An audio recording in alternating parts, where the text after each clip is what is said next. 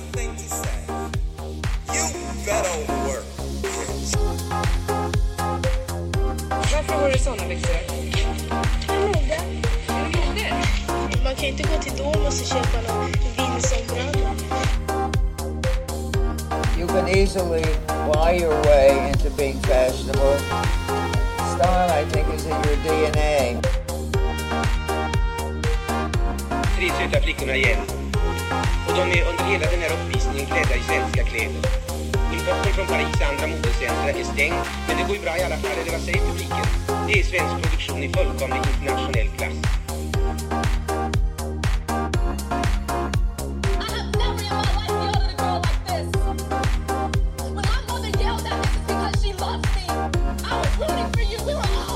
Dölja eller framhäva magen, köpa en ny garderob eller anpassa de vanliga kläderna till graviditeten.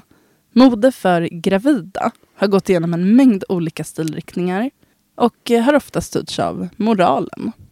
Ibland har tillståndet ansetts opassande och ett bevis på att man har gjort något syndigt. Och ibland, som nu, är magen snarare något man ska skylta med.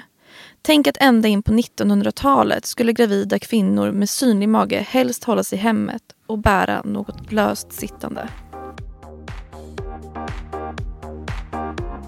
Ja, det är ganska uppenbart att dagens avsnitt vigs åt mode för gravida. Jajamän. Och eh, hej förresten. Hej och välkomna till Modehistoria med Studio Tvätt. Jag heter Saga Loxdal Jag heter Moa-Karin Levin.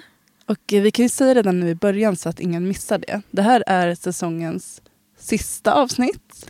Ja, och eh, vi firar också ett år Tänk att vi har hållit igång ett år. Ja, Så himla himla roligt och så kul att ni har lyssnat i ett år på oss. det är helt sinnessjukt. Vi började ju med mode under krigstid och nu gravidmode. Och anledningen att vi pratar gravidmode det är också för att du har inte gjort någon reveal här i podden Moa. Nej, för att vi går lite tidigare på julledighet. Också för att jag eh, faktiskt är gravid. Höggravid. Ja, eh, jag förväntas ha en liten bebis 13 december. Så det är rätt snart. Mm, så kanske inte orkar masa dig till poddstudion mer. Tänker Nej, vi. precis. Eh, vi tänkte vi tar det säkra för det osäkra. Om, om det är möjligt så spelar vi kanske in något extra avsnitt eh, att ha till januari sådär. Precis. För sen är tanken att vi kommer ha ett avsnitt i januari och sen så kommer det rulla på som vanligt varannan vecka. Det kommer bli jättekul. Ja. Sen är ju faktiskt gravidmode någonting vi har velat prata om. Så det är inte bara för att jag är gravid utan eh, det är också ett kul ämne. Det är ett jättespännande ämne och eh, det passar ju extra bra ändå för då har du en insikt i hur det är att klä sig som gravid. Verkligen. Nu ska jag. vi köra igång. Det gör vi. Vi kommer ta er igenom en liten tidskapsel, hur det har sett ut genom åren. Och det intressanta med gravidkläder är just det att det finns inte jättemycket dokumenterat. Eh, ja, för ofta så var det som sagt ingenting man skyltade med. Det finns inte jättemycket på museer heller sparat och sådär. Vi kommer komma till varför. Och sen så har ju såklart kvinnor varit gravida i alla tider. Men vi valde att eh, börja undersöka hur det var att gravid, vara gravid på medeltiden.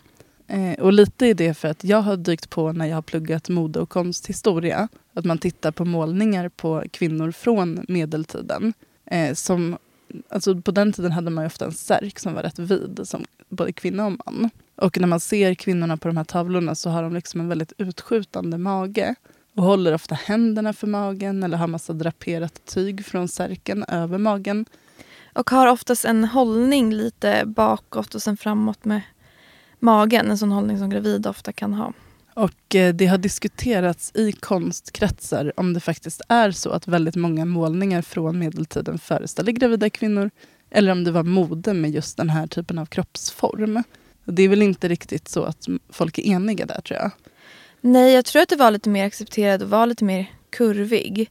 Men jag tror säkert att många var gravida. De fick ju väldigt många barn. Ja. Men det är väl frågan, målade man någon som var gravid? Ja, kanske inte fanns så mycket alternativ. Det kanske inte var något att dölja just då. Nej. Men eh, det, kan ju också, det har gått i trender att man ska ha lite mer kurvor för att det visar på rikedom under tiden när det kanske har varit mer ont om mat och så.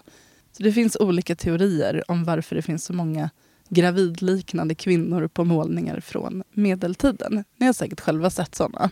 Och vi lämnar det öppet, men givetvis var man gravid även under medeltiden. Det kan vi konstatera i alla fall. Men vad hade man på sig då? Det var inga gravidkläder på den tiden. Nej, det var lite mer... eh, Det var väl säkert också en ekonomisk fråga, resursfråga. Men lite större, större kläder, större klänningar. Särkarna var som sagt lösa och eh, ja, men följde varken liksom, eh, höfter eller bröst eller mage. Så att de gick väl att fylla ut helt enkelt med ma- gravidmagen, är det man tror. Precis, och sen att ett förkläde som man ofta bar kunde också hjälpa till att dölja den här gravidmagen. Ja, men man har inte hittat några så specifika gravidplagg eller bevis eller ens skriftliga källor på att det fanns gravidplagg under medeltiden. Det kom senare. Ja, Så vi får väl gissa att man för det mesta använde det man hade. precis. Det fanns ju olika typer av designs. Man kunde ha en ganska rak tunika men sen kunde man ha kilar i den som gjorde att den blev vidare i kjolen. Och ett sånt plagg var säkert praktiskt även för gravida. Ja, för då kunde man ju ha någonting att växa i. Och eh, ja, men allmänt så var ju kläder på den här tiden ganska ombytliga. Man kunde göra dem tajtare, större, mindre. Om man kanske växlade i vikt till exempel eller växte eller så. Alltså jag har också hört att, som vi har pratat om tidigare, så var det lite mer unisexmode på medeltiden. Mm. Och om typ, om man dog så kunde ju ens ättlingar ärva ens kläder då. Ja, Då var det inte alltid så viktigt om det var en man eller kvinna som ärvde av en man eller kvinna. precis. Och det var särk som särk. Så att så här, kläder var verkligen anpassade efter att kunna ändras och bäras av andra och när man själv förändrades. Ja, jag tror mycket att det kanske var enklare på medeltiden än vad det kom att bli sen under renässansen och barocken. Ja, för man hade liksom inte börjat med slim fit Nej, ännu. Däremot kan man väl tänka sig att det kanske ansågs lite, ja men, lite opassande. Det var fortfarande, det var ju under kristendomen hade kommit och en ganska strikt tid, medeltiden. Så kanske att, att se en gravid kvinna öppet kunde anses opassande. ja verkligen. Och sen så var det också kvinnan som skötte hemmet när mannen var ute på fält eller arbetade. Så hon hade ju både mycket ansvar och var kanske då gravid och flera barn. Så det förekom ju mycket att många kvinnor faktiskt valde in, att gå in i klostret och bli nunna. Eh, för att istället kunna bli mer självständiga och för att undvika att bli gravid. Det var det säkraste preventivmedlet på medeltiden. Verkligen. Och sen var det också många som försökte amma mycket längre för att eh, undvika att bli, bli gravid igen kort inpå. Och det är ju liksom lite av en modern myt egentligen. För det finns ju många som har blivit gravida fast de har ammat. Ja, Ganska kort efter sin förra graviditet. Men för vissa funkar det. Då. ja, men det var väl kanske den kunskapen man hade då under medeltiden. När vi pratar om graviditet och mode förr, då, ja, men man kan ju komma ihåg att man var gravid antagligen mycket oftare än man är gravid idag. Det hade väl kanske varit lite konstigt att byta ut hela sin garderob var- vartannat år. Liksom. Ja, Man, man hade helt enkelt red- redan från början kanske anpassat sig efter att man skulle ändras i form. Men sen kom ju då renässansen. ja, Vi snackar slut, alltså slutet på medeltiden helt enkelt. ja. Typ mellan från, vad ska man säga, 13 till 1500-tal. Ja, kanske i Sverige till och med 14-1500-tal. Vi var ju lite sena på allt, Ja. sägs det. Är vi fortfarande. Här uppe i norr. Ja. Ehm, det hände mycket utvecklingar då inom kläder och modet blev ju mer så här form-fitted. Det började dyka upp korsetter för kvinnor och eh, mer så komplicerade tillskärningstekniker. Och då antingen så fick man liksom anstränga sig lite mer för att uppdatera sina kläder eller bara helt enkelt inte stänga fram till eller bak till och som, som vi sa dölja med förkläde. Men det fanns ju också ett annat alternativ och det var att stanna hemma. Ja, för oftast så valde man ju att gömma kvinnan lite mer och att hon stannade hemma. Och det ledde ofta till att kvinnan gick runt ja, men kanske i morgonrockar eller underklänningar då när de var hemma. Och det skapade mer, en mer avslappnad klädstil för kvinnan. Men också gömd. Men också gömd. Precis. Det här nu, nu tjej gissar jag. Men det här måste ju också gällt lite högre klasser. Att man kunde ha kvinnan hemma. För jag tänker att när det gäller bönder och andra så var väl kvinnan tvungen att bidra i arbetet oavsett gravid eller inte. Verkligen. Jag tror inte man tog jättemycket hänsyn till vad kvinnan orkade och inte. Det fanns inte ekonomi för det. Man var tvungen att överleva.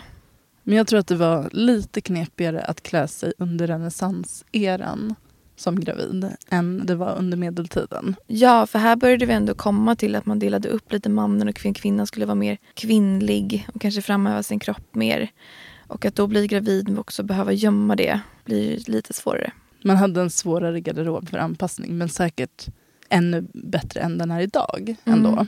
För man tänkte ju fortfarande mycket på återbruk och möjlighet att anpassa och sådär såklart. Eh, jämfört med idag när man köper en storlek av något och det kan man ha när man är den storleken. Punkt. Ja, Men renässansen utvecklades ju till barocken. Och då snackar vi sent 1500-tal, tidigt 1600-tal. Och då hände något intressant för gravidmodets historia. ja här tar den första gravidklänningen avstamp. Den så kallade Adrian, Adrian, Adrienne. Adrian, Adrienne. Adrian klänningen. Och hur ser den ut Saga? Den har en empirmidja kallar vi det idag. Då kallade man det säkert för Adrienne-midja. Det är att den är skuren under bysten. Så själv midjan sitter väldigt högt upp helt enkelt. Och det gör att om du har en stor mage under, under skärningen, under bysten, då täcks ju den av ganska mycket tyg som bara hänger fritt och draperat. Precis, samtidigt som att man framhäver magen för att man liksom eh, framhäver magens början så att säga. Så att det inte bara blir helt ett, att det bara faller rakt ner. Och man ger liksom möjlighet åt magen att få plats också på ett annat sätt än om midjan hade suttit längre ner, alltså där den vanliga midjan sitter. Ja, Så att den här Adrienne-klänningen finns ju då dokumenterad på olika målningar av gravida kvinnor. den höll ju också i sig väldigt länge. Tittar man på moderna bilder som vi ska komma till sen, men kungligheter så höll ju sig den här empirmidjan kvar som en klassisk gravidklänning. Och även för andra med. Nu ska jag göra en teori. Helt ovetenskaplig teori, men jag tänker bara leka med tanken. Adrienne-klänningen kanske utvecklades från början för gravida kvinnor. Eh, eller för kvinnor. Alltså så här, alla kvinnor räknade med kanske att vara gravida en eller många gånger. Kan det vara liksom så empirmodet uppstod från början? Och att det sen togs över även av de som ic- icke-gravida? Ja, jag tänker lite så här 60-talsaktigt. Ja. Alltså när kvin- då var ju klänningen lite kortare, men just den här höga. Att den höga Midjan. midjan under bysten från början var specifikt gjord för att anpassas till graviditet. Men att den senare blev vanligt mode också. Mm. Och att det var här den trenden startade helt enkelt. För Ja, att det var ett praktiskt behov. exakt. Men sen, vi pratade lite om det här, men att om man inte är gravid, att man, om man har en viss figur så vill ju många kanske undvika den här typen av plagg just för att de är rädda för att det ska se ut som att de är gravida. Eh, Ja, men jag själv tycker, har lite svårt för den typen av plagg faktiskt. För jag tycker inte det blir så snygg form. Nej, Om man inte är gravid så kan liksom falla platt. Eller så här.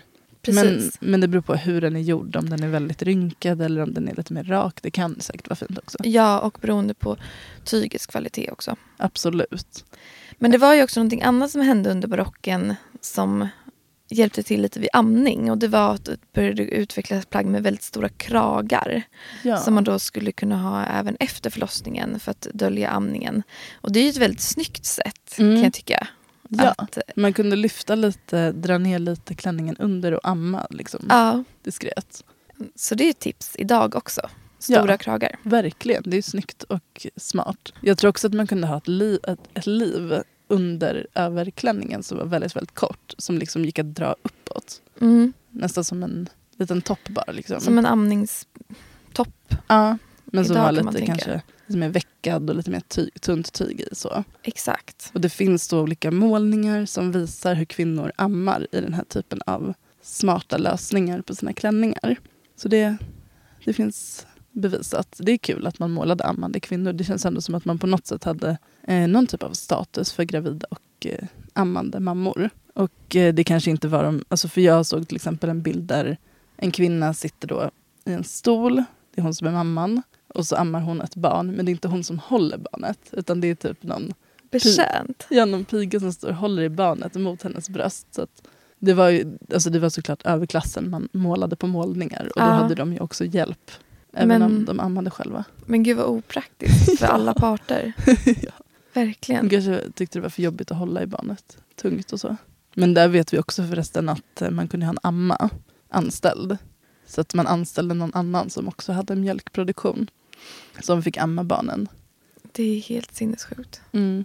Yrket fa- fanns, kanske fortfarande finns, vad vet jag. Men ska vi gå vidare till 1700-talet bara lite snabbt så Även där så finns det bevis från att det fanns amningsklänningar med öppning fram till. Och det här var ju också då tider när man hade ett ganska strikt korsettmode. Mm. Så det måste ändå varit lite knepigt att öppna kan man tänka sig. Verkligen. Och sen de flesta kvinnorna hade ju som sagt inte råd att skaffa speciella gravidkläder. Så istället där så fick man ju liksom lämna sin klänning kanske lite öppen vid ryggen och liksom täcka med sjalar och på andra sätt. Man fick vara lite Ja. kreativ helt enkelt. Och det var väldigt populärt att ha stora, även då för de mer rika kanske, en stor sidensjal till exempel. Det var ju väldigt populärt med, så här, med handel från Asien och Indien och kashmirsjalar. Allting orientaliskt var trendigt på 1700-talet Mm. i Europa. Så att en sjal vill man ändå ha. Och om man inte, alltså så här, antingen så kunde du inte knäppa bak, då hade du en sjal, eller så kunde du inte knäppa fram, då fick du dölja det på något annat sätt. Mm. Men att eh, göra om hela plagget ansåg man väl var lite onödigt. Om modet för eh, blivande mammor under, men, nu har vi pratat, täckt in medeltiden fram till 1700-talet. Det är väl sådär, vi pratat om 500 år kanske Mm. av gravidmode. Som sagt, det finns inte supermycket dokumenterat. Man får gå på målningar, det finns inga plagg sparade. Men en era som det faktiskt finns en del plagg på museum från, det är ju liksom den viktorianska eran. Eh, 1800-talet. Eh, den förindustriella tiden, men även när industrialiseringen drog igång. Och då var det ju en tid av moralkakor. Alltså det blev ju mer strikt än det hade varit innan. Verkligen. Vi ser nog inte lika många tavlor från den här tiden med ammande kvinnor till exempel. För att det var väldigt strikt och sexualmoral och sådär. Ja, och kvinnan blev ju också mer utsatt. Alltså på så sätt att man, det var mer, blev mer skamligt, man skulle gömma sig mer. Eh, men också att kvinnan samtidigt skulle vara mer till förfogan för mannen. För det ansåg också fel att med onani. Ja, det var väldigt fel. Precis. Eh, så där skulle också kvinnan vara tillgänglig. Så då kan man tänka sig att ja, svårt att hålla sig icke-gravid. Väldigt svårt dessa tider. Mm. Det var tuff, jag tycker det verkar vara tuffa tider för kvinnor. Ja, jag skulle inte valt att leva som kvinna på 1800-talet om jag fick gå tillbaka i tiden. Nej, faktiskt inte. Hellre lite tidigare. Även om det kan... Alltså så här, det var ju alltid tufft. Speciellt efter kanske kristendomens inträde så var det kämpigt Ja. att vara ogift och gravid. Men jag tror att det kanske blev snäppet värre, under den här viktorianska eran. Precis. Och eh, under den här tiden så var det ju liksom... Antingen så var det så att du var ogift och blev gravid. Då skulle du dölja magen till varje pris. Och då hade du korsett och spände åt alldeles för hårt under väldigt lång tid. Tills det inte gick att dölja mer. Då kanske man fick resa iväg någonstans och föda i smyg. Ja, och kanske till och med adoptera bort Mm. barnet. Men även om man var gift så skulle man alltså ha en korsett och eh, gärna snöra åt lite extra. Även fast man var gravid. Eh, för det var det som modet sa. Man skulle gärna ha liksom timglas-silhuett så länge som möjligt. Det fanns alltså gravidkorsetter som, som fortfarande finns sparade på museum. Och eh, jag har tittat på en bild på en sån korsett och tänkte försöka beskriva hur den ser ut. Den finns på Maidstone Museum. Hur som helst så är den här korsetten, det är en sån här vanlig, alltså den är, benen är valben. De som gör att man drar åt den. Och eh, det som är unikt för den är att man inte knyter den i ryggen som vanliga korsetter utan man knyter den fram till. Vilket gör att man kan man har lättare att styra snörena och lämna en liten lucka fram till ju mer magen växer. Den är också sydd för att passa en rundad mage då. Och i sidorna finns det som flärpar nästan som gör också att den kan bli större i sidorna ju mer magen växer. Eh, så att vissa på den här tiden menade att det faktiskt kunde vara ett stöd för magen att ha den här korsetten. Medan kvinnorättskämpar och läkare till exempel de började kritisera korsetten allmänt under slutet av 1800-talet men kanske speciellt korsetten för gravida. och menade att det var ohälsosamt för kvinnan och barnet. Vad tror du Moa, skulle du ta på dig en sån här idag? Nej, aldrig. Alltså jag, jag ska väl säga i början när jag blev gravid så tänkte jag så här. Jag fattar inte varför man måste ha gravidbyxor. Jag har ju haft ganska mycket vanliga kläder så gott det går. Men nu när jag blivit så stor, nu har jag faktiskt ett par gravidbyxor på mig. Så är det ju väldigt skönt att ha någonting som sluter om magen lite. Men idag finns ju jersey och stretch. Resår. Resår, precis. Eh, så att ha någonting åtsittande som inte liksom är flexibelt. För man får ju också tänka att magen blir lite större under dagen. Mm. Nej, jag tycker det låter hemskt. Ja, för de knöt den ju på morgonen. Ja. Och sen kan jag tänka mig om man ska justera den och man har en stor klänning eller kjol och Mm. man ska på toaletten och komma under. Det kan inte vara... Nej, det var inte bara en underkjol. Nej. Vi får ju tänka på att modet var korsett, Mm. smal midja, upptryckta bröst Ja, eh, och sen en vid höft. Man hade ju liksom krinolin under. ja, Och till det jättemånga underkjolar. Det var extremt mycket meck med att klä sig mm, eh, på 1800-talet. Och eh, det kan se lite roligt Jag har sett vissa bilder på den här stilen på gravida. Sent 1800-tal då. Det ser lite kul ut när man har stor mage och försöker klämma in en krinolin ovanpå den. Och så är det bara så här... ja, Allt blir jätterunt och de försöker liksom flytta upp sin midja lite då. Och att krinolinen får börja lite högre upp och då ska det dölja magen. mm, Eh, för att man vill ändå dölja sin gravidmage men den döljs inte. Man ser bara ut som någon jättestor typ boll. ja. Man måste vara, för man är ju nog osmidig när man är gravid. Mm. Och då lägga på de där lagren. Nej. Och inte nog med det, det var säkert farligt också. Alltså man kan snubbla i det där, alltså man fastnar i saker. Och eh, Det kommer vi prata om i ett annat avsnitt som jag är ganska taggad på. Som kommer handla om farliga plagg. Ja, Men bara lite snabbt så kunde även krinolinen, alltså du kunde stöta i ett tänt ljus. Innan det fanns el hade man ljus överallt. Det kunde Ja. börja brinna. Alltså usch nej. vad jobbigt. Och som Verkligen. gravid också då. Ja. Nej. Eh, Nej, det känns inte optimalt. Och sen också kan jag tänka mig att man som kvinna heller inte fick beklaga sig. Man fick bara liksom stå Bita ut ihop. och bita ihop. Ja. Vad var det man sa? Typ close your eyes and think about the queen. Mm. queen Victoria. Mhm. Ehm, nej men så, det var väl ingen toppen tid kanske. Jag undrar hur de liksom var klädda då när de sen födde barn. Hade man allt det här, alltså så här, om det, man skulle vara pryd och så. Ja. Vad kunde, man ha, kunde man ändå ha en lös särk när man väl skulle föda barnet? Det hoppas jag. ja, men då kanske man ändå hade lite som renässansen att man kunde ha nattlinne och så. Man kanske var mer i hemmet då i början. Man får i alla fall ge 1800-talet att de var bra på att göra specifika gravidplagg. Mm. Sen får man väl också säga att det är klart att det finns mer sparat från den tiden än tidigare. Man har mer bevarat från något som är nära i tid självklart. Så vi kan ju inte säkert säga att det inte fanns gravidunderkläder tidigare. Det fanns det säkert också då. Men Ja, de verkar ha varit mer och mer vanliga på 1800-talet. precis. Eh, men för att göra en motbild. Vi har ju, när vi har pratat om krinolinerna och allt det här då pratar vi fortfarande om överklassen. Mm. Jag såg en bild på eh, en allmogebild från Finland som jag hittade på Nordiska museets arkiv. Jag tror att det var lite populärt där när kameran kom. Det här ser ut att vara väldigt sent 1800-tal. Då, åkte någon, då hade någon i alla fall fotat en liten familj på landet. Och då ser man ju att kvinnan som står uppe är gravid, hon har inte alls några speciella gravidkläder. Hon har bara dragit upp sin vanliga kjol lite högre upp och så har hon en blus under. Mm. Eh, Så på landsbygden så fortsätter man kanske bara med sina helt vanliga kläder som man alltid hade gjort. Ja, och förkläde. Mm. Och det, visst syntes det någon kula där under men det var väl inte så noga. Nej. Man skulle ut och arbeta liksom. Eh, Men det är kul att i alla fall från den här tiden också går att hitta fotografier och se hur man faktiskt såg ut. Och inte bara efter målningar som ibland kan ljuga och sådär. Ja, och som kanske är mer vinklade, alltså i och med att det blir då endast den högre klassen. Mm. Något som hände under slutet av den här eran, runt 1880 och framåt, det var ju att den här empir eller Adrienne-midjan kom tillbaka. Så det måste ju ändå varit lite tacksamt. Så att eh, man kanske slapp den här gamla typen av korsett i alla fall då. Ja, Och fick lite mer plats för magen. precis. Och här har vi ännu en gång, det, det är det modet man ser i Bridgerton tv-serien till exempel. då. Mm.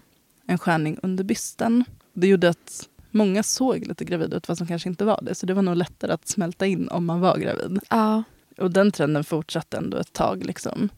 Och en, ja, men in på början på 1900-talet så var det fortfarande det fanns trender i alla fall av att inte ha så formade plagg. Så. Jag kan titta på Paul Poiret till exempel. Och det var lite orientalisk känsla i många plagg.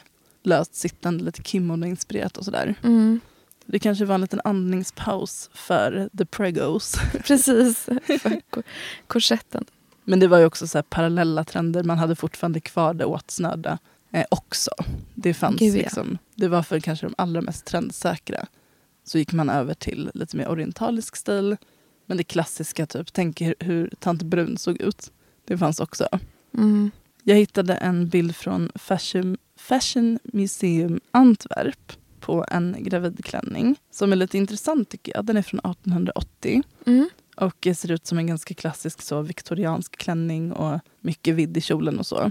Men den tror man har blivit omsydd från en brudklänning. Eh, den ser ut att vara brun. Det var ganska vanligt att man gifte sig i en svart klänning faktiskt. För att om man skulle skaffa en ny klänning då ville man skaffa en klänning som man kunde ha till många olika tillfällen. Ja. Inte bara Lite mer Bröllopet. praktiskt. så möjligtvis har den här varit eh, svart från början men kanske skiftat färg. Svart kan ju ofta blekas lite. Men det var någon som då gifte sig i den. Och sen när hon blev gravid då gjordes klänningen om till en gravidklänning med återbruk. Man kanske hade kvar lite av tyget och sådär. Det är kul att se att man liksom återanvände gamla plagg och gjorde om dem så att de passade under graviditeten. Ja, och det är också därför det inte finns lika mycket bevarat. För att klänningarna eller kläderna har sytts om och gjorts om så många gånger. Så just det här plagget från Antwerp är ganska unikt att det är bevarat och att nu har de satt upp det då på en docka som har en gravid mage. Nej, vad fint. Mm, det är jättefint, det skulle man ju vilja se. Men vi kommer in på 1900-talet och framförallt 1920-talet. Då säger vi absolut adjö till formsittande klänningar Ja, bland den stora allmänheten. De var väck. den raka siluetten kommer. Och det var väl på både gott och ont. Eh, för idealet var ju att ha nästan en pojkaktig kropp. Utan några former, bara rakt. Så för lite mer kurviga så var det lite svårare med det här modet. Man fick ha en större rak klänning såklart, men Och det kanske också gjorde att man kände sig ännu större. ännu större. Ja. Inget fel med det i och för sig, men det kanske inte alltid var det mest smickrande för alla. Nej. Jag menar, nu är vi lite mer kroppspositiva och det var vi ju inte riktigt då. Så då kanske Nej. man inte ville sticka ut på samma sätt. Och in, det var svårt att leva upp till idealet, helt klart. Mm. Det var ett ideal som sen återkom på 60-talet med Twiggy och sådär. Liksom. Smala ben och korta kjolar och så. Ja, Men jag tänker mig ändå att en gravidmage smälter in ganska bra i en sån klänning. Verkligen. Det är nog väldigt rak. luftigt och tacksamt. Och nu hade underkläderna blivit allt lättare och man kunde till och med ha liksom underkläder i stretchmaterial på 20-talet. Så antagligen var det lite skönare. Verkligen. Men det som levde kvar och som jag har kikat lite i mina gamla veckotidningar. Även på 20-talet så var det liksom supertabu att vara gravid som ogift. Och om man tittar i veckotidningar från den tiden då kan man se många annonser. Eh, och då står det inte rakt ut gravid ung flicka behöver gömma sig och sin mage. Men det står obemärkt flicka. Mm. Obemärkt var typ ett kodord för gravid fast hon inte ska vara det. Ja. Och då var det typ obemärkt flicka söker plats på landet. Så när magen inte gick att dölja längre då fick hon åka ut på landet och antagligen jobba då åt någon familj. Eh, Så som, gott de kunde. Ja, som piga eller någonting. Tills det var dags att föda. Och sen har barnet antagligen adopterats bort och sen är det dags att komma hem igen. Ja, för många på landet kunde också se det som en extra resurs till gården Absolut. med till barn. Och det var nog billigt att ta emot en sån stackars gravid, oäkting Ja. flicka. Eh, en som drabbades av det här liksom, tabut, det var ju Astrid Lindgren. Vi pratade lite om det innan vi började spela in. Mm. Hon har ju en sån historia som är väldigt tragisk egentligen.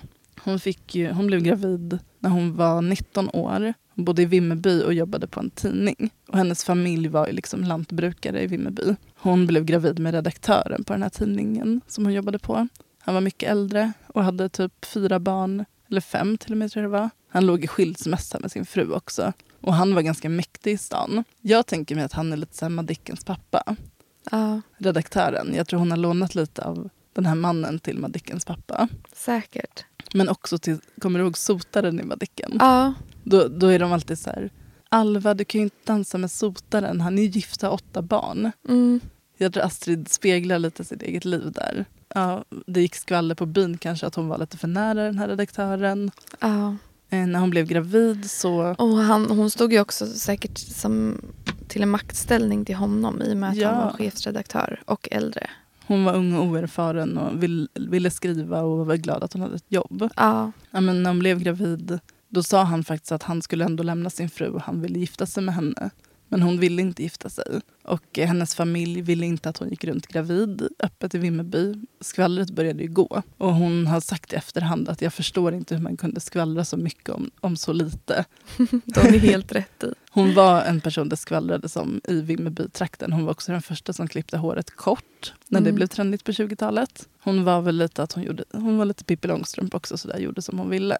Men eh, när magen började synas då fick hon åka till Stockholm och ta jobb som sekreterare. För att inte det skulle vara mer skvaller för hennes familj. Och eh, när det var dags att föda så fick hon åka till Danmark till ett sjukhus. Jag tror det var Riks- Rikshospitalet.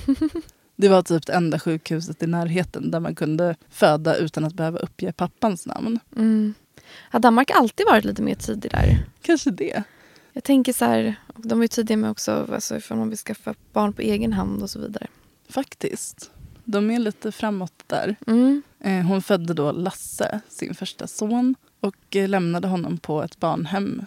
Eller hos liksom en adoptivmamma i Danmark som tog hand om flera sådana barn som Lasse. Men när han var typ fyra, tror jag det var, då blev adoptivmamman sjuk och Astrid var tvungen att hämta hem honom. Så hon var väl glad på ett sätt att hon fick hem honom. Men hon levde väldigt fattigt i Stockholm och bodde bara i ett jättelitet rum. Men på något sätt tog hon hand om Lasse sen då. Men det är så himla sorgligt för så här, han rycktes upp från adoptivmamman då när han var typ fyra och så skulle hem till någon främling. Och eh, det blev aldrig riktigt bra med Lasse tror jag. Nej. Vad jag vet så dog han, han dog ju långt innan Astrid, han dog 1980-talet. Så att han blev inte jättegammal och kanske, kanske det berodde på att han inte mådde... Jag vet faktiskt inte men det är en sorglig historia. Alltså det var många, vi vet ju om Astrids öde och hon har ju pratat om det senare i livet men hon pratade inte om det när hon var ung så. Nej. Det Det var var också lite, skamligt. ja, precis. Skamligt. Och föräldrarna ville inte stötta henne i det här. Liksom. Men hon stod på sig i alla fall. Hon gifte sig inte med redaktören. Hon träffade en man senare. Eh, och fick fler barn. Säkert Astrid. Vad skulle jag säga om det? Det var något, jo, jag tänker att all sorg hon har med olika barn Mm. i sina böcker och så tycker jag kopplat till Lasse på något sätt. Ja, verkligen att det återkommer till det. Mio min Mio till exempel. Ja. Som är lämnad och bortadopterad och så är hans pappa någon annanstans och sådär. Mm. Eh, nej, men hon fick ju uttryckt mycket i sina böcker men kanske hade svårt att uttrycka sin kärlek till sina barn. Mm. Men hon är bara ett exempel på hur tabu och hur tufft det kunde vara för ogifta mödrar. Mm. Det, och det levde ju kvar så pass länge att man nästan blev chockad. Liksom. Ja. Eh, och jag kan känna typ alltså väldigt mycket nu när jag läst om alla gravidkläder, alltså nu när man själv är gravid, att ja, men hur tufft det måste ha varit. Ja, jag tänker på, det finns ju vissa visor och så. Mando Diao har gjort Fröding-visor. Då finns det en låt som heter typ Ogift mor. Ja. Och då handlar det om hur, om jag minns rätt med texten, att liksom den här unga mamman hon fick kväva, hon kväver barnet. Och det var ju inte ovanligt att man fick döda små bebisar i smyg. Nej.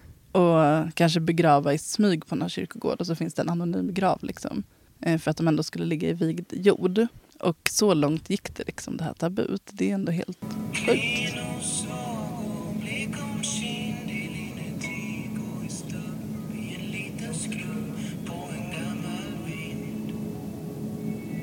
Satt en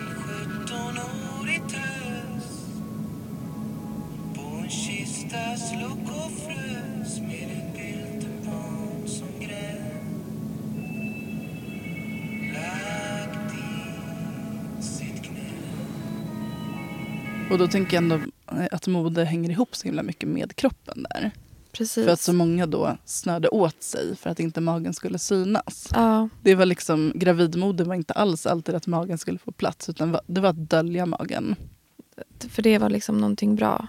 Men det är också så att alltså, alla de här skvallrorna som gick på byn. Mm. Det var ju också många barn som dog alltså tidigt av olika sjukdomar eller och så vidare. Och att det kunde ju vara mycket sådana rykten, liksom, rykten om typ så här med Agda hon har ju redan så många barn så Mm. förlorar man en så är väl inte, inte det hela världen. Eh, det fanns inte samma empati. Nej. Vi, tänkte, vi såg ju lite om, vi kollade om Årstafrun, hennes dagböcker. Ja, Tänkte jag kunde vara en bra källa för hur det var att vara gravid slutet på 1700-talet. Men sen Mm. insåg jag att hon började skriva dagbok efter hon hade fått alla sina barn. ja, Men som ett exempel, hon fick åtta barn. Ingen, inget barn överlevde henne. nej. Den äldsta blev i 30-årsåldern men sen dog även han. Mm, han drunknade. Ja, Och de andra dog då som typ spädbarn eller små. ja, Om vi går tillbaka till 1900-talet ja. så tycker jag att det är lite intressant att titta på ja, så här 30 och 40-talet. Det var ju tider då modet utvecklades mycket så. Verkligen, det kom nya material och eh, jersey och vilket måste varit otroligt tacksamt för gravida kvinnor. Verkligen. Men och gravidmodet fick ändå ett eget mode. Även om det kanske inte var så här typiska det här är gravidkläder så kom det ändå lite olika trender. Men också lite så här barnsliga trender kan jag tycka. Vilka?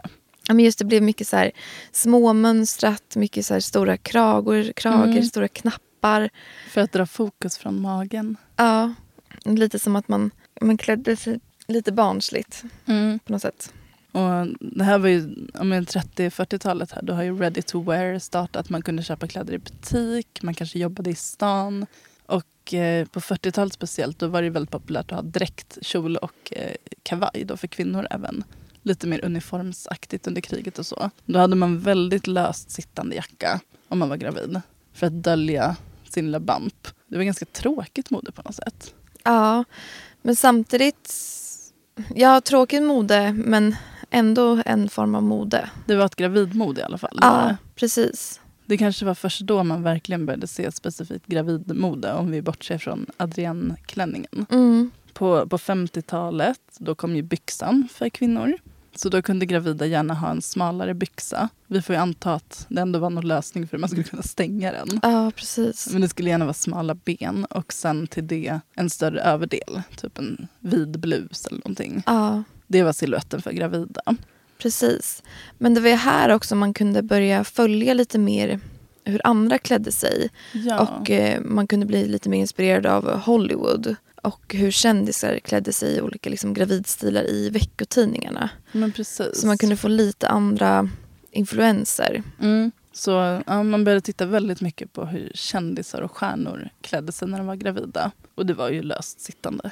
Ja. Men kanske lite chict. Man kanske hade en fin sjal i håret och fina Precis. solglasögon. Och det kunde ju gärna vara liksom en kort klänning. Absolut. Så jag tror att man blev lite mer inspirerad i sin gravidstil när, man, när det kom fler och fler veckotidningar och sådär. Ja, Rapporter. det blev okej liksom, ja, men där på, att eh, klä sig lite mer roligt. Kanske lite mer elegant. Eh, på 60-talet så, som vi nämnde, så var vi väl tillbaka lite på den här. Eh, vi, hade, vi såg empirmidjor, lite mer lösa klänningar, inte så mycket former. Så där var det väl bara att den gravida hakade på. Och hade en lös, kanske kort klänning. Ja, Eller en nu förklädesklänning. sa jag ju kort innan för jag tänkte att vi var på 60-talet. Men ja, Nu för då, nu 60-talet. kommer vi till den korta klänningen. Precis. Ja, Mm. men som du nämnde innan med lite twiggy style. Ja, Och då kunde det ju vara den här lite med A-line-formade och det är ju väldigt tacksamt som absolut. gravid. Men även, alltså, vi, har ju all, vi har ju fortfarande inte kommit till att man framhävde magen så, utan det var löst sittande. Det var Ja, skönt. precis. Men jag tror inte att på 60-talet var det inte så att gravida kvinnor skulle gömma sig hemma. Nej, Det var inte tabu att vara gravid. Även om det kanske fortfarande var lite så konservativt att man gärna skulle vara gift och så. ja det levde ju kvar, verkligen. Men inte just att man, ja men som sagt, man behövde inte dölja sig.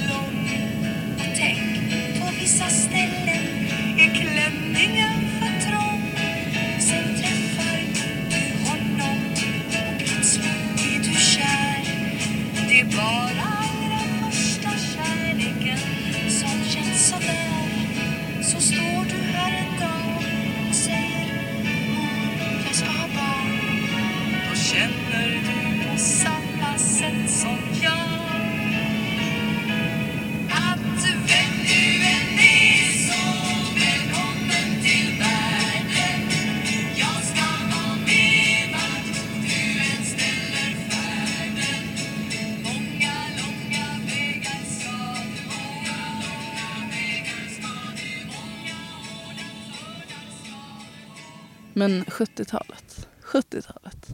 Det var stretchmaterialens tid. Ja, Nu var det skönt att vara gravid. Kanske. ja, Nu hade man plastmaterial precis. och stretch och lyckra. Ja. ja, och gröna vågen kom lite så man kunde sticka ut på ett helt annat sätt. Naturlig och Ja, väsen. Precis. Sharon Tate tror jag var en stor inspiration för gravida på den här tiden. Ja, jag tänker lite så åt, eller lösa blusar, lite så flowigt. Verkligen. Och lite hippiestilen har vi ju såklart som kom på 70-talet. Ja, Eh, sen var det väl, det var väl lite sorgligt här med Sharon Tate. Hon blev mördad. ja, Det var väldigt uppmärksammat mord. Det var slutet på 60-talet. mm, Så hon blev tyvärr inte mamma då. nej. Men hennes gravidstil var jätteuppmärksammad. Vadå, hon blev inte mamma? Nej, hon blev mördad av eh, det här. När hon var gravid? Ja, det här är med krim då. Ja, Manson Family. Ja just det, Mm. gud. Ja, Jag gud. lyssnade faktiskt på den dokumentären. Ja, den podden. Den är helt sjuk. Ja, det är helt sjukt. Mm. Men om vi bortser från det tragiska så var hon... Mm. Hon hade en väldigt bra 70 eller 60-talsstil blir det väl då. Ja, Eh, hon hade liksom tajta saker och hon kunde Ja. visa magen till och med i någon kortare tröja och sådär. mm. Jättesnygg gravidstil faktiskt. Mm. Eh, så hon var väl en av de första som verkligen framhävde magen Ja. av kändisar. precis. Eh, så tyvärr måste vi prata om henne. Nej, inte tyvärr. Hon var jättefin. Ja, verkligen. Eh, 80-talet. Ja. Den största influeraren eller influencern som var gravid på 80-talet det var ju Princess Diana. Mhm. Men Vad tycker vi om hennes gravidstil? alltså, jag tror väl att för några år sedan hade det nog varit lite mer så här pro. Den är otroligt snygg. Men i och med att vi har gått så himla fort fram, Mm. alltså under 90-talet och alltså nu senare år, så tycker inte jag den känns lika uppmärksammad. Men jag kan tänka mig då att, att det var lite revolutionerande. För att Diana stack ju verkligen ut med att bära lite hur hon ville. Det kan vara lite sportigt. Mm. Alltså man ser framför sig kanske cykelshorts och en stor t-shirt. Ja, hon kunde gärna ha alltså, väldigt så här, stora, långa tunikblusar. Mm. Som gärna kanske var starkt rosa eller med lite mer avslappnad. Ja, men det modet som också var då, det var ju mycket löst åtsittande kläder. Långa skjortor och så. Ja, Lite medeltid. exakt. Och hon hade, det finns en ganska känd bild, hon har en rosa kappa på sig som framhäver magen med en väldigt stor eh, krage. Så det var många som tittade på hennes gravidstil såklart. Hon var extremt fotograferad. Ja, Men jag håller med i efterhand kanske inte var liksom det mest spännande. Vi har sett mer spännande gravidstilar efter det. verkligen. Men som sagt, Diana var otroligt snygg. Under tidigt 80-tal så fanns det fortfarande inte jättemycket specifika märken för gravida. Sådär. Det var säkert så att vissa tänkte på att göra lite extra vida klänningar eller skjortor för gravida. Liksom att det fanns ett urval. Men om du ville ha typ jeans, då var det ganska körd på 80-talet. Fram tills 1988. Grundarna till Juicy Couture startade då faktiskt ett jeansmärke för gravida, Travis Jeans. Travis Jeans finns ju fortfarande kvar. Gör de fortfarande då gravid? Nej, de gör de här äh, fula byxorna. Om jag säger... Jag googlar här lite samtidigt. De ska liksom framhäva rumpan. Ja, nej, det är de. Jag vet precis som vad nästan som en så här En hjärtformad. söm runt hela skinkan. Liksom. Ja, precis. Alltså jag är ganska säker på att det är Travis De jeans. jobbar fortfarande på att anpassa sig efter olika former då. Men de har bytt från fram till bak. Alltså jag kan säga helt fel nu, och nu men jag är rätt säker. Vi säger att det är så. Ja, Det blir roligast så. ja, ni får rätta oss om vi har fel. Det kom ju en liten våg då. Alltså hela 90-talet så var det ju liksom, då dök det upp maternity-avdelningar på de stora kedjorna. H&M, Lindex, Kappahl och så vidare. Så kunde du gå till gravidavdelningen och handla gravidbyxor och annat. Tänker mig att det är byxorna som anpassas mest kanske. Ja, Då, det var väl en tid där gravida hade ganska mycket att välja på. Så. Men 90-talet var väl även det till en början ganska mycket tights och stor t-shirt typ. Ja men verkligen. Men det började ju som sagt komma upp lite mer gravidmodekläder. Bland annat Polarn och Pyret hade ju en satsning ganska länge med en egen liksom, mammaavdelning. Men tyvärr så har ju de här, alltså de märkena som har satsat på här, egna gravidmodekläder aldrig liksom lyckats helt. Kan jag Nej, tycka. alltså man undrar. Jag tänker att det kanske är, får se vad du känner också då. Att om man är gravid, många kanske försöker använda det de har till en viss gräns. Man vill inte köpa jätte- jättemycket nytt egentligen. Mm. Och sen efter graviditeten kanske man säljer second hand och så, och så kanske nya mammor köper second hand istället för att köpa något nytt och dyrt. Så. Man vill lägga pengar på annat när man är gravid kanske. Att eh, man kanske inte köper jättemycket nytt som gravid eller? Nej, man gör ju inte det. Man, eh, det är så himla kort tid. Sen kan jag ju tycka att fler mammor måste så unna sig lite. Mm. Alltså man ska ändå känna sig fin när man är gravid. Eh, men jag tror med dagens mode, alltså inspiration, så kan man hämta mycket från det man redan har i garderoben. Mm. Det kanske blir lite tajtare. men det är också okej. Man knäpper upp någon gylf och har lite gummiband istället. Ja, precis. Man kanske viker ner jeansen. Det är lite renässansgrejen där. Att man låter saker vara öppet istället för att stänga det. Ja, men precis. Så det kan vara lite svårt för olika gravidmärken kanske. Mm. Att sälja mycket. Ja. Men det som jag ser som revolutionerande, då kommer vi till tidigt 2000-tal, kanske till och med sent 90-tal. Det var då man verkligen, verkligen började liksom klä sig för att framhäva gravidmagen. ja, och också hängslebyxan var ju väldigt trendig under den här tiden. Ja. Man hade hängslebyxa, kanske någon magtröja under så ser man liksom magen lite på sidan. Mm. Det var ju en klassisk, eh, alltså under 90-talet. Ja, typ för magtröjan 2000-tal. var ju populär då.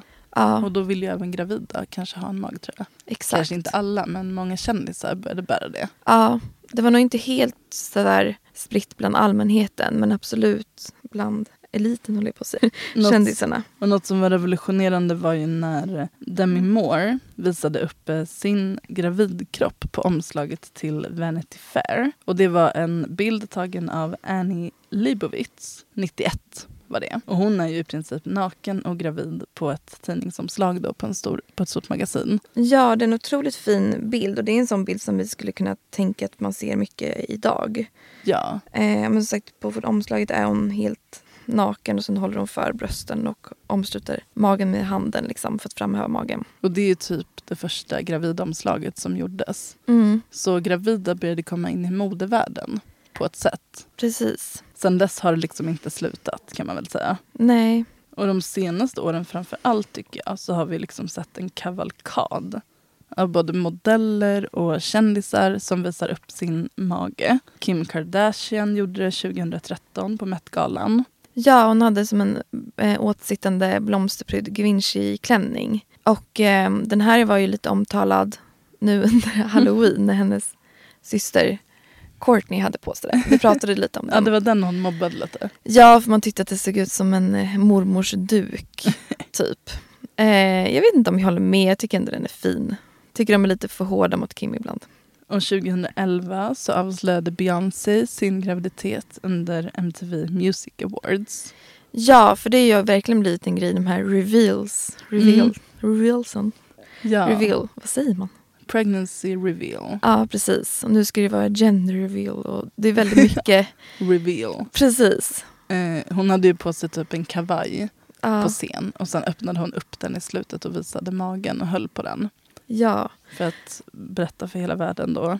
Och vi har ju Rihanna också förra året på Super Bowl när hon gick ut med att hon var gravid med sitt, med sitt andra barn. Eller var det i år till och med? Det är du, det kan ha varit i år. Det kan ha varit i år ja. Ja, precis. Och går man inte ut offentligt sådär på ett uppträdande så är det sociala medier, medier som gäller.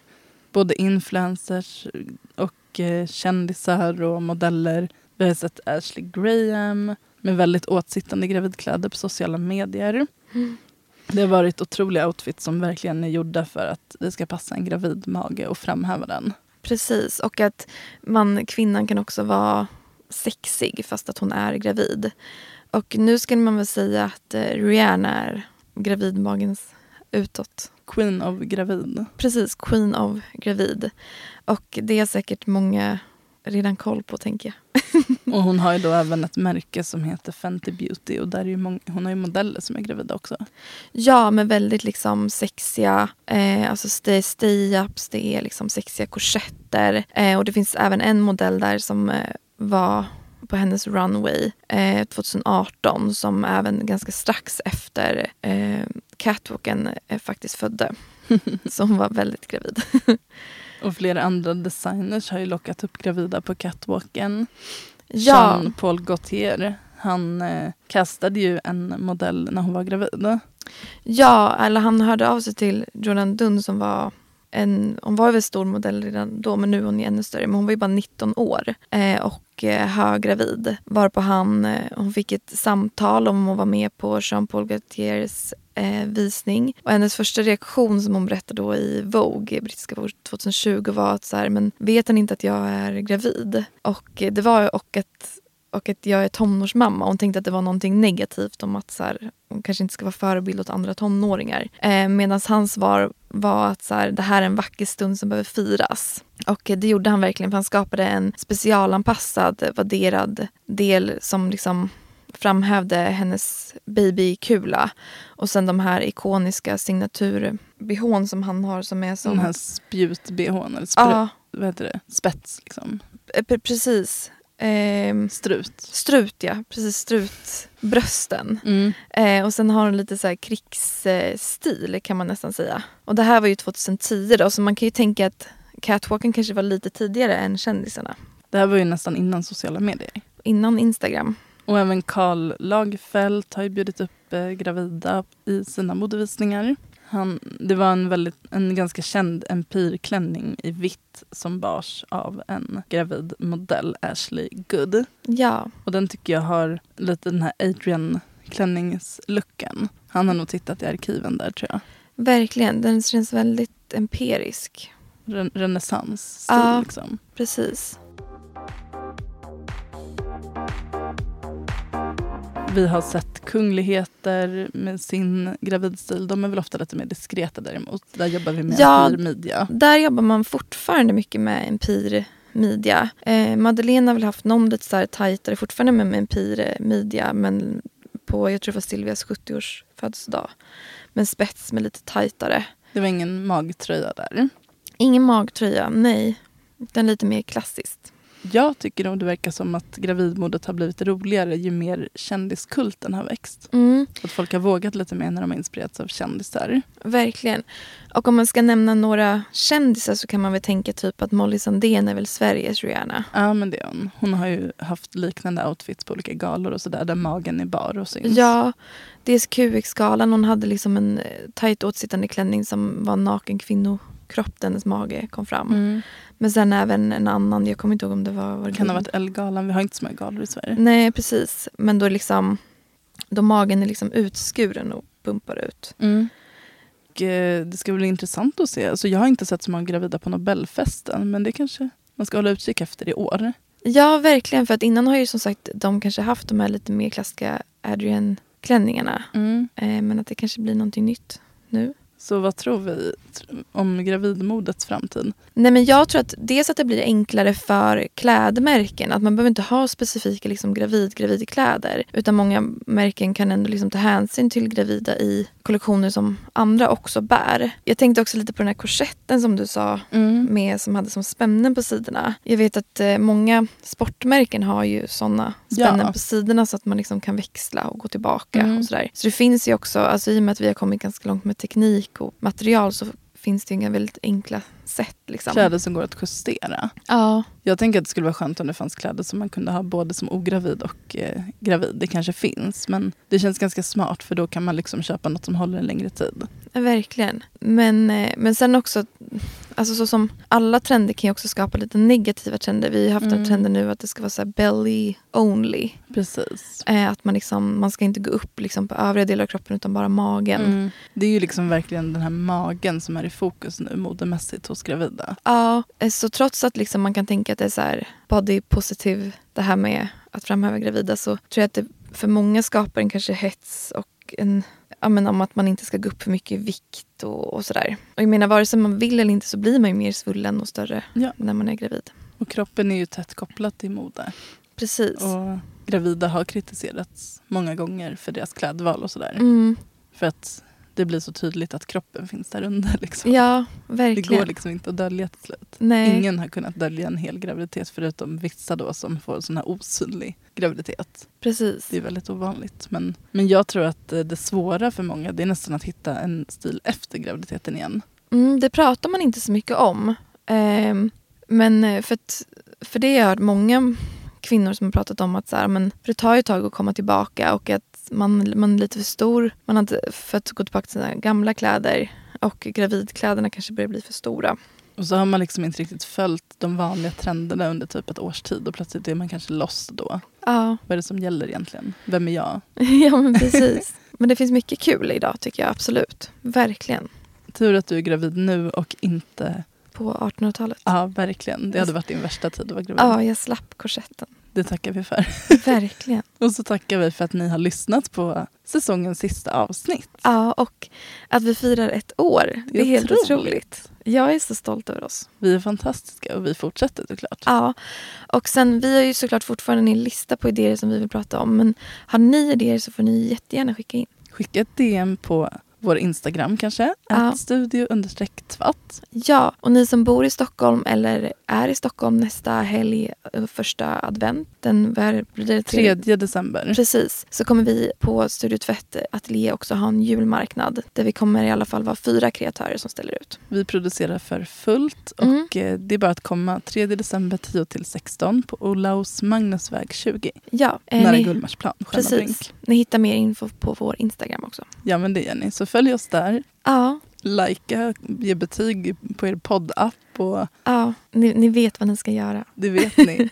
ja, nästa gång vi hörs så kanske Moa har ett, en bebis. Ja, det kommer säkert vara del i podden någon gång. Ja, men god jul och gott nytt år får vi säga också. Då. Ja, verkligen. God jul och gott nytt år. Hej då! Hej då! Varför har du såna byxor? Inte gå till Domus och köpa någon Vinson-bralla. You can easily buy your way into being fashionable. Style, I think, is in your DNA. Tre söta flickorna igen. Och de är under hela den här uppvisningen klädda i svenska kläder. Importen från Paris andra modecentra är stängd, men det går ju bra i alla fall, eller vad säger publiken? Det är svensk produktion i fullkomlig internationell klass.